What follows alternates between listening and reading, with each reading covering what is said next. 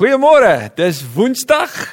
Dis sulke tyd. Ons is bymekaar en ons kuier met God se woord. Dankie dat jy ook deel hiervan is en saam reis.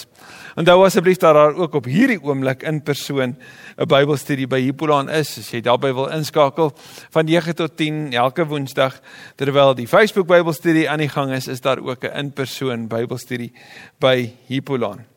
Soos jy kan sien, ek het my Kersfeesmure dien hempie aan, ons diens hempie, ons dienswerkers hempie. So 'n hempie wat jy gewoonlik sal sien by ons gasvryse mense as jy op 'n Sondag die in-persoon dienste sou sou bywoon. En dit kom eintlik vandag iets sê oor ons dankie sê. Dis ons dankie sê week.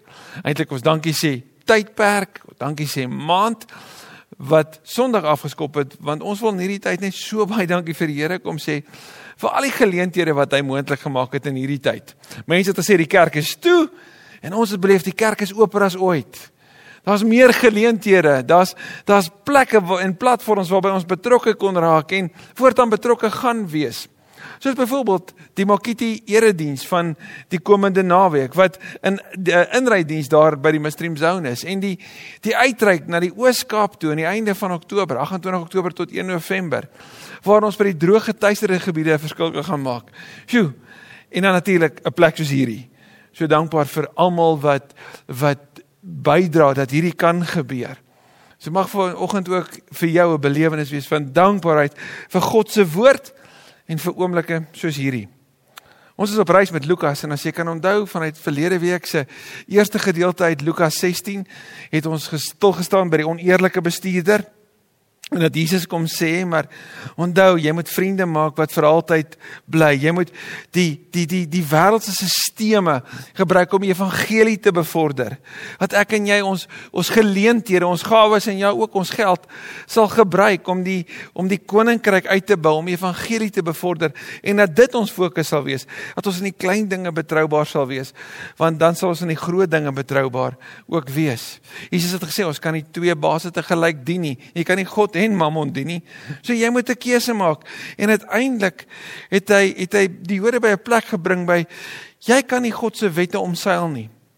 Jy kan nie een van die wette ongedaan maak nie. Soos die Here gesê dit is die dit is my wil en dit is my wet dan moet jy dit getrou toepas. Jy kan dit nie maak werk soos dit vir jou pas nie. Soos ek vat 'n bietjie van hierdie amper asof ek 'n Bybelse vy bou. Ek hou 'n bietjie van hierdie en ek hou 'n bietjie van hierdie en ek hou 'n bietjie van daai, maar daai res ek gaan dit uitlos. Dit werk nie so nie. Die Bybel is nie 'n 'n 'n maaltyd of 'n 'n etenstafel waarin jy kan kies wat jy vat en wat jy los nie. Jy vat dit alles. Want dit alles is God se woord. En jy en jy volg die stem van die Here deur sy woord en jy hoor hoe hy aan die woord kom. Kom ons bid vandag dat hy ook hierdie gedeelte wat 'n moeilike en komplekse gedeelte is, dat hy dat hy dit in ons harte sal laat warm brand sodat dit ons sal aanvuur om dit wat ons hier kry aan te gee en te deel. Dankie Here vir u woord. Dankie vir oomblikke soos hierdie wat ons nooit weer sal kry nie. Ons sal hierdie dag nooit weer in ons lewe kry nie. As ons daarom in hierdie oomblik saam met u by u woord stil sit en stil wees. Here mag ons die kosbare voorreg om dit te kan beleef, regtig aangryp. Mag ons hoor wat u sê. Spirit in Jesus se naam. Amen. Jesus is in Lukas 16 steeds besig met daai lang stuk lering wat al van hoofstukke vroeër al begin het. En hy deel die heeltyd hierdie hierdie waarhede oor die evangelie en oor die hemel en en wat die disippels moet hoor. En in hoofstuk 16 van vers 19 lees ons: Daar was 'n ryk man wat duur en deftige klere gedra het en elke dag feestelik en weelderig geleef het. 'n Ryk man Al hierdie woord ryk moet ek en jy eintlik vertaal met skatryk. Want ons sien daar's 'n paar dinge van hierdie man wat hom uniek maak. Eerste wat ons van hom sien is dat hy duur en deftige klere dra. Die woord duur daar verwys na die na die die die die kleurstof wat gebruik is om die die klere wat hy gedra het te verkleur. Nou jy kon afbeeldings daarvan gekry het kunsmatige uh, klere wat amper gelyk is soos die regte ding, maar net nie die kwaliteit gehad het van hierdie klere wat hy gedra het nie. Die kleurstof wat hulle gekry van die skelvis daar in die omgewing van Tyrus wat fyn gemaal is en daar's gesê dat daar in die omgewing van 10000 skelvis fyn gemaal moes word vir 1 gram van daai kleurstof. So jy kan jouself net indink hoe duur was daai perskleur van die linne wat hy gedra het. En die linne weer is gemaak uit die vlas wat op die oewers van die Nylrivier gegroei het. Dit was linne wat baie koel cool was in die somer en gemaklik was om te dra. Was gerieflik geweest. En en dit het so hierdie man onderskei want oral waar hy se loop met hierdie klere se mense eer en hom betoon het as 'n vermoënde man, 'n verskriklike vermoënde man. Hulle sou opgekyk het na hom en hy sou uiteindelik kon sê maar kyk hoe smart lyk ek vandag elke dag. Hy het feestelike en weelderige klere gedra. Nou dit herinner ons aan daai baie spesiale kleed van die pa wat hy in Lukas 15 vir sy seun gee. Al hierdie man het daai tipe klere elke dag gedra. Hy het nie net 'n gewyde kleed gehad nie. Al sy klere was spesiaal, was kosbaar, was peperduur. Vers 20 en daar was 'n arme man met die naam Lazarus. Vreemd dat die die ryk man nie 'n naam het in hierdie geval nie. En en nog 'n ander ding. Die naam Lazarus beteken God help of God het my gehelp of God sal help. God help as jy hom direk sou vertaal. En wat weet ons van hierdie arme man? Hy het by die deur van die ryk man gelê in die hoop dat hy van die oorskiet van die ryk man se tafel te ete sou kry. Daai woord by die deur kan ook wees by die hek van sy eiendom sodat hy elke dag sou sou hierdie ryk man by hom verby moes gaan. Amper soos die leviet en die priester van Lukas 10 wat oor die arme man moes stap wat deur die rowers aangeval is. Hy het oor Lazarus moes stap verby hom beweeg. En wat het Lazarus gedoen toe hy daar gelê het? Hy het gehoop dat hy van die krummels van die tafel van hierdie ryk man kon kry dit sluit weer aan by die hoop van die verlore seun, die jongste seun wat tussen die varke lê en wens hy kon van die pele wat die varke van geëet het dat hy daarvan kon kry. En weer eens was dit 'n hoop wat nie voldoen is aan nie. Dit was 'n 'n leë hoop want hierdie honger Lazarus het nie gekry waarna hy gesmag het nie, net soos die jongste seun van Lukas 15 ook nie. Hy was oortrek met sere En selfs die honde daaraan kom lek. Die ryk man was oortrek met weelderige linne. Duur materiaal wat hy elke dag geruik en beleef het. Lazarus hy het swere. Niemand kom behandel sy wonde nie. Niemand kom kom kyk na hom nie. En hierdie swere wat wat wat aan sy liggaam was, het geruik dit honde getrek. Nou Jode in daai tyd sou het honde beskou as vuil diere. Dit was nie soos vandag se tyd wat die honde amper op elke Instagram profiel is nie. Dit was nie op op op een of ander Facebook blad wat wat wat toegewy is aan 'n bepaalde tipe honde ras nie. Nee. Hierdie was 'n 'n 'n 'n straathonde gewees. So vir 'n Jood om hierdie hierdie verhaal van Christus te hoor dat die honde aan sy wonde kom lekker terwyl hy daar lê by die hek van hierdie ryk man was 'n walglike prentjie. Dit sou hulle naar gemaak het. Amper soos die pele van die varke van Lukas 15, net soveel erger. Vers 22: Toe die arme man te sterf kom, te sterwe kom, is hy deur die engele weggedra na die ereplek langs Abraham. Die ryk man het ook gesterwe en is begrawe hierdie arme man kry nie 'n begrafnis nie. Daar's nie 'n plek om hom te begrawe nie. Daar's nie eers 'n 'n 'n geleentheid waarin hy ter aarde bestel en daaroor hom gepraat is en gerou is nie. Mense wat hartseer was oor die verlies van sy lewe nie. Nee, hy word deur die engele weggedra. Die arme man kry engele begeleiding na die hemel toe. En die ryk man, die ryk man het ook gesterwe en hy's begrawe. En jy kan jou indink hoe so 'n begrafnis sou wees. Hoe daaroor hom gerou sou wees. Roubeklaars wat van oral af sou kom.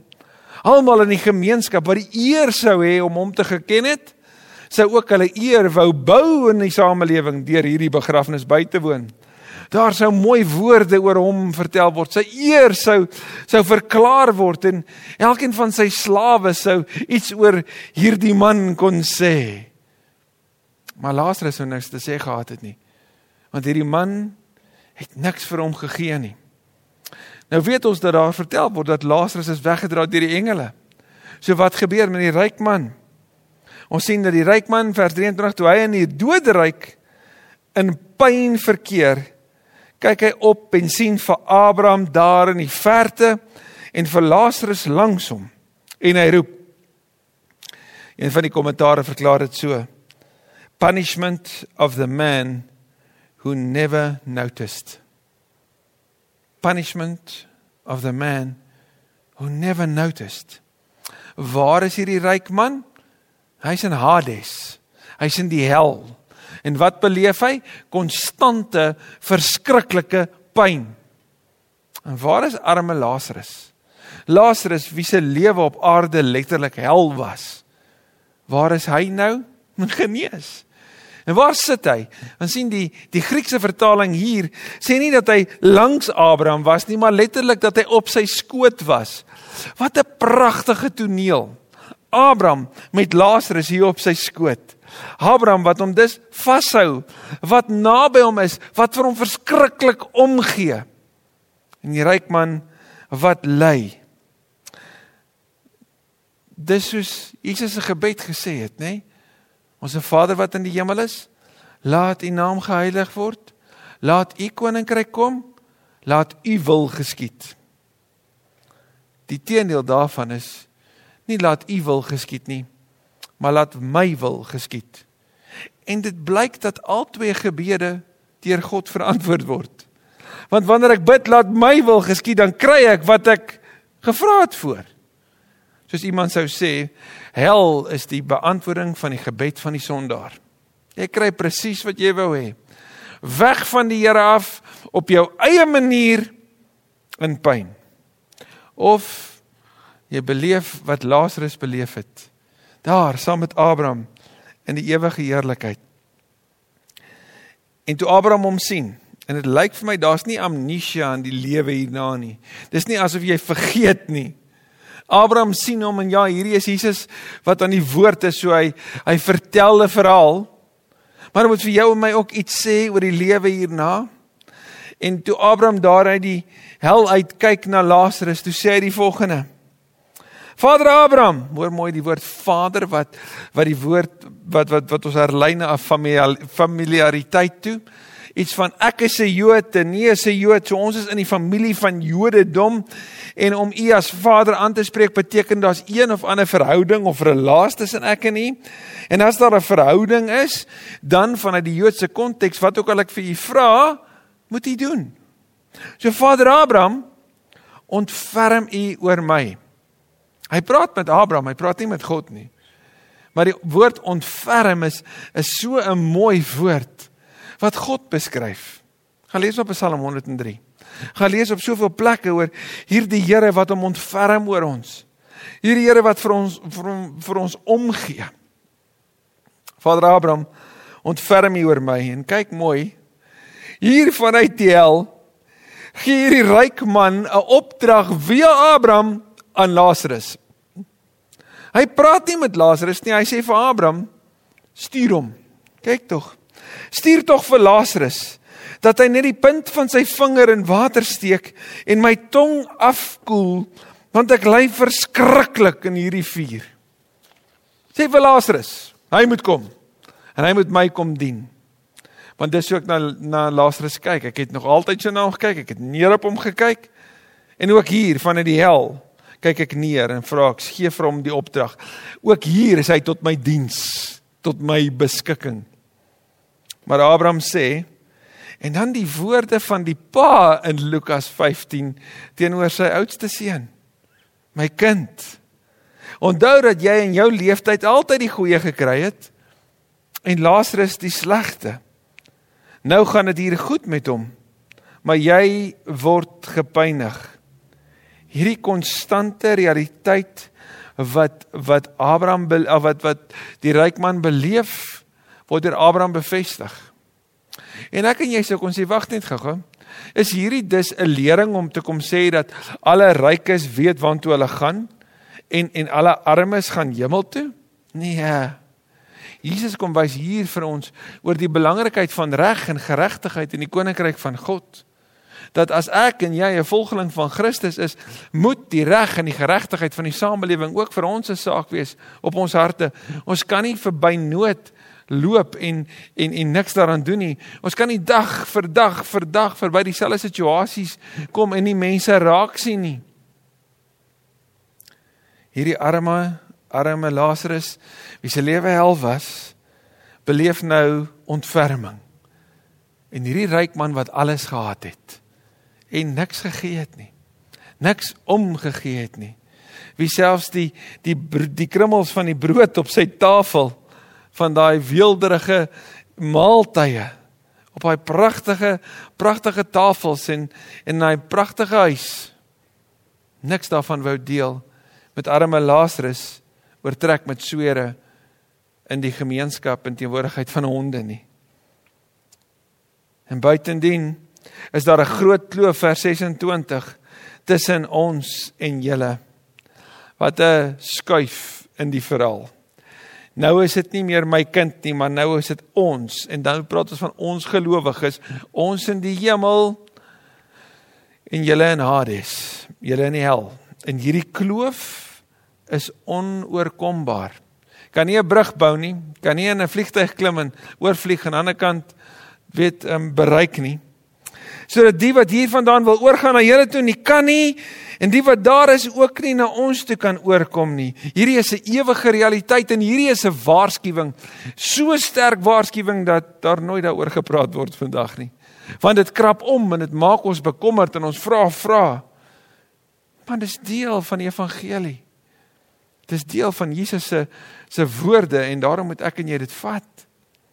Vers 27 toe sê ek smeek U dan Vader, stuur hom tog na my pa se huis toe. Weereens gee ek vir hom opdrag, laat hy gaan. Wat moet hy gaan doen? Ek het nog 5 broers, laat hy hulle dringend gaan waarsku sodat hulle nie ook in hierdie plek van pyniging beland nie. Wat hierdie ryk jong man sê is dit is vir my beter om vir altyd sonder my familie te wees as om met hulle in hierdie helse plek te wees. Stuur hom met 'n waarskuwing. Deel van evangelisering, deel van die deel van die evangelie met mense is dat ons met die waarskuwing ook sal gaan want anders vertel ons nie die volle boodskap nie. As jy nie Jesus as Here en verlosser aanneem nie, as jy hom nie volg nie, as jy nie aanvaar dat hy aarde toe gekom het, geleef het, gekruisig is, fisies uit die dood opgestaan het en hemel toe opgevaar het en dat hy weer kom nie en dat hy volledig die prys vir jou sonde betaal het, jy dit aanneem en jy agterwaan stap nie, is jy verlore is jy vir altyd verlore. Is die hel jou toekoms? Dis wat die Bybel sê. Dis die volle boodskap. Ons kan dit nie afwater deur een of ander sagte kunsmatige wom fuzzy dingetjie te sê nie wat almal net tevrede stel nie. Ons het nodig om die volle boodskap te verkondig, die volle waarheid te deel. En hierin kom sê Jesus, die plek van pyniging is 'n gegewe as jy jou rug op hom draai. As jy hom nie volg nie. En en hierdie pyniging is vir vir hierdie ryk man so 'n realiteit dat hy Abraham smeek, stuur tog net vir Lazarus. Maar Abraham sê: "Hulle het die woorde van Moses en die profete. Laat hulle daarna luister." So laat hulle luister na die prediking van God se woord. Laat hulle lewens oopstel daarvoor, want God se woord is genoeg. Dit was nog altyd genoeg ook vir vandag is dit genoeg. Maar wat was dit beteken in die lewe van hierdie ryk man? Het hy daarna geluister? Nee. Daarom is hy besorgd. Daarom is hy angstig. sien ek en jy kan onder die geklank van God se woord groot word. Ons kan dit elke dag hoor. Ons kan na na die die die nuutste podcast en MP3's luister. Ons kan na die kampe toe gaan en na die na die groot dag geleenthede toe gaan en dit kan nie my hart verander nie. Dit help nie ek sit net onder die geklank en ek stel nie my lewe bloot en my hart oop vir wat die Here daarmee wil doen nie. Hy antwoord egter: "Nee, Vader Abraham, maar as iemand uit die dood na hulle toe gaan, sal hulle hulle bekeer." sien die hart van van redding kom uit hierdie woord bekering.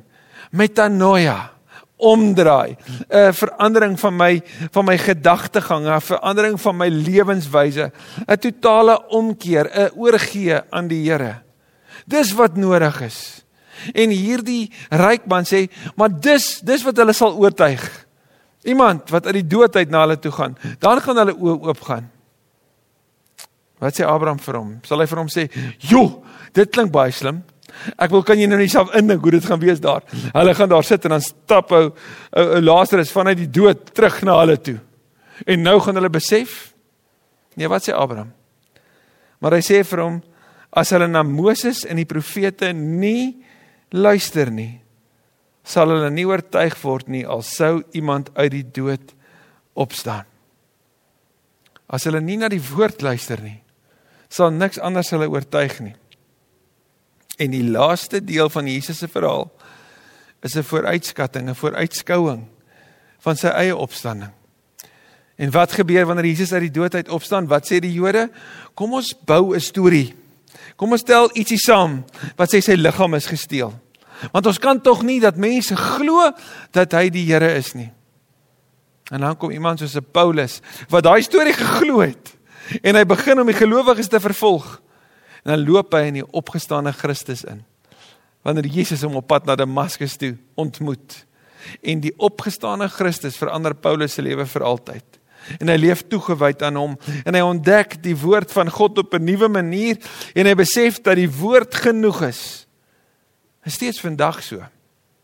So as jy iemand is wat die voorreg het om die woord met ander te deel, As jy die voorreg het om dalk 'n Bybelstudiegroep te lei of of eers net met selfs jou kinders of of met 'n vriend te kan sit en gesels rondom die woord. Ek en jy het nie die pyrotechnics nodig van 'n WWE vertoning nie. Ons het net die woord nodig. Dis nog altyd genoeg. Gaan lees 'n bietjie wat David Platt daaroor skryf wanneer hy praat oor hierdie hierdie kerk wat net 'n honger het vir God se woord en daarby gaan sit en dit wil indrink want dit is genoeg.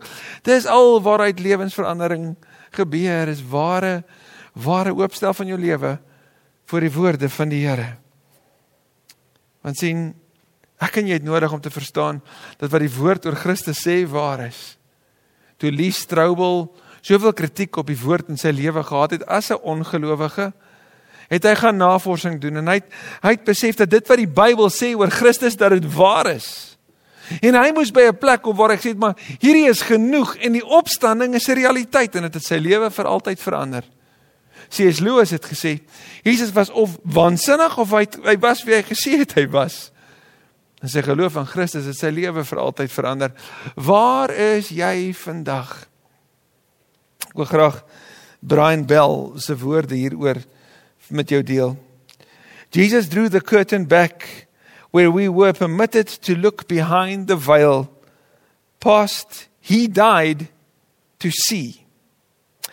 Some are carried by angels, others awaking in anguish. Which will be yours? A life that constantly keeps God in view or one that doesn't? Is your motive in doing things the sight of man or the sight of God? Waar lê jou en my visie vandag?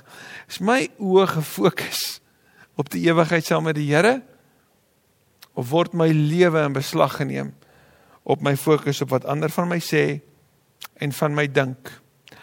Wat ook al ek besluit dit sal so wees. Amen. Kom ons bid. Here, dankie dat ook hierdie gedeelte uit Lukas vandag ons aan die hart gryp. Here, soms moet ons eerlik sê dat hierdie maak ons bang. Hierdie maak ons ongemaklik en daarom is dit nie dele waaroor ons baie praat nie. Ons praat nie met ons vriende daaroor of met ons kinders daaroor nie. Ons praat nie met ons familie daaroor nie. Baie soos die ryk man en sy familie nie gedoen het nie. Maar vandag, vandag hoor ons Ons het nie 'n verskoning nie. Ons hoor vandag dat as ons dit nie vat nie, dan is die ewige verdoemenis 'n gegewe vir ons. Daarom terwyl ons daar vandag is, mag wat ons hoor vandag ons harte oopbreek. Mag wat ons besluit vandag vir ons lei van hier af. Want vandag is 'n dag van genade, van redding en van hoop. Here, ons wil vir altyd by U wees. Ons wil soos Lazarus die ontferming op die skoot van Abraham beleef. Ons wil die ewige rus en genesing van ons Here beleef. En terwyl ons hierdie kant op aarde is, wil ons veg vir die geregtigheid van die onderdrukte, van die seergemaakte, van die verwerpte, van die gewonde, wie ook al dit is. In watter plek van die lewe hulle ook al is. Watter deel van die samelewing hulle ook al bly, dat dit Here nie net woorde op ons lippe sal wees nie, maar dade wat ons sal doen sodat die koninkryk kan kom. Sodat U wil in mense se lewens sal geskied. Ook in ons sin. In Jesus se naam. Amen. Amen. Sien jou volgende week.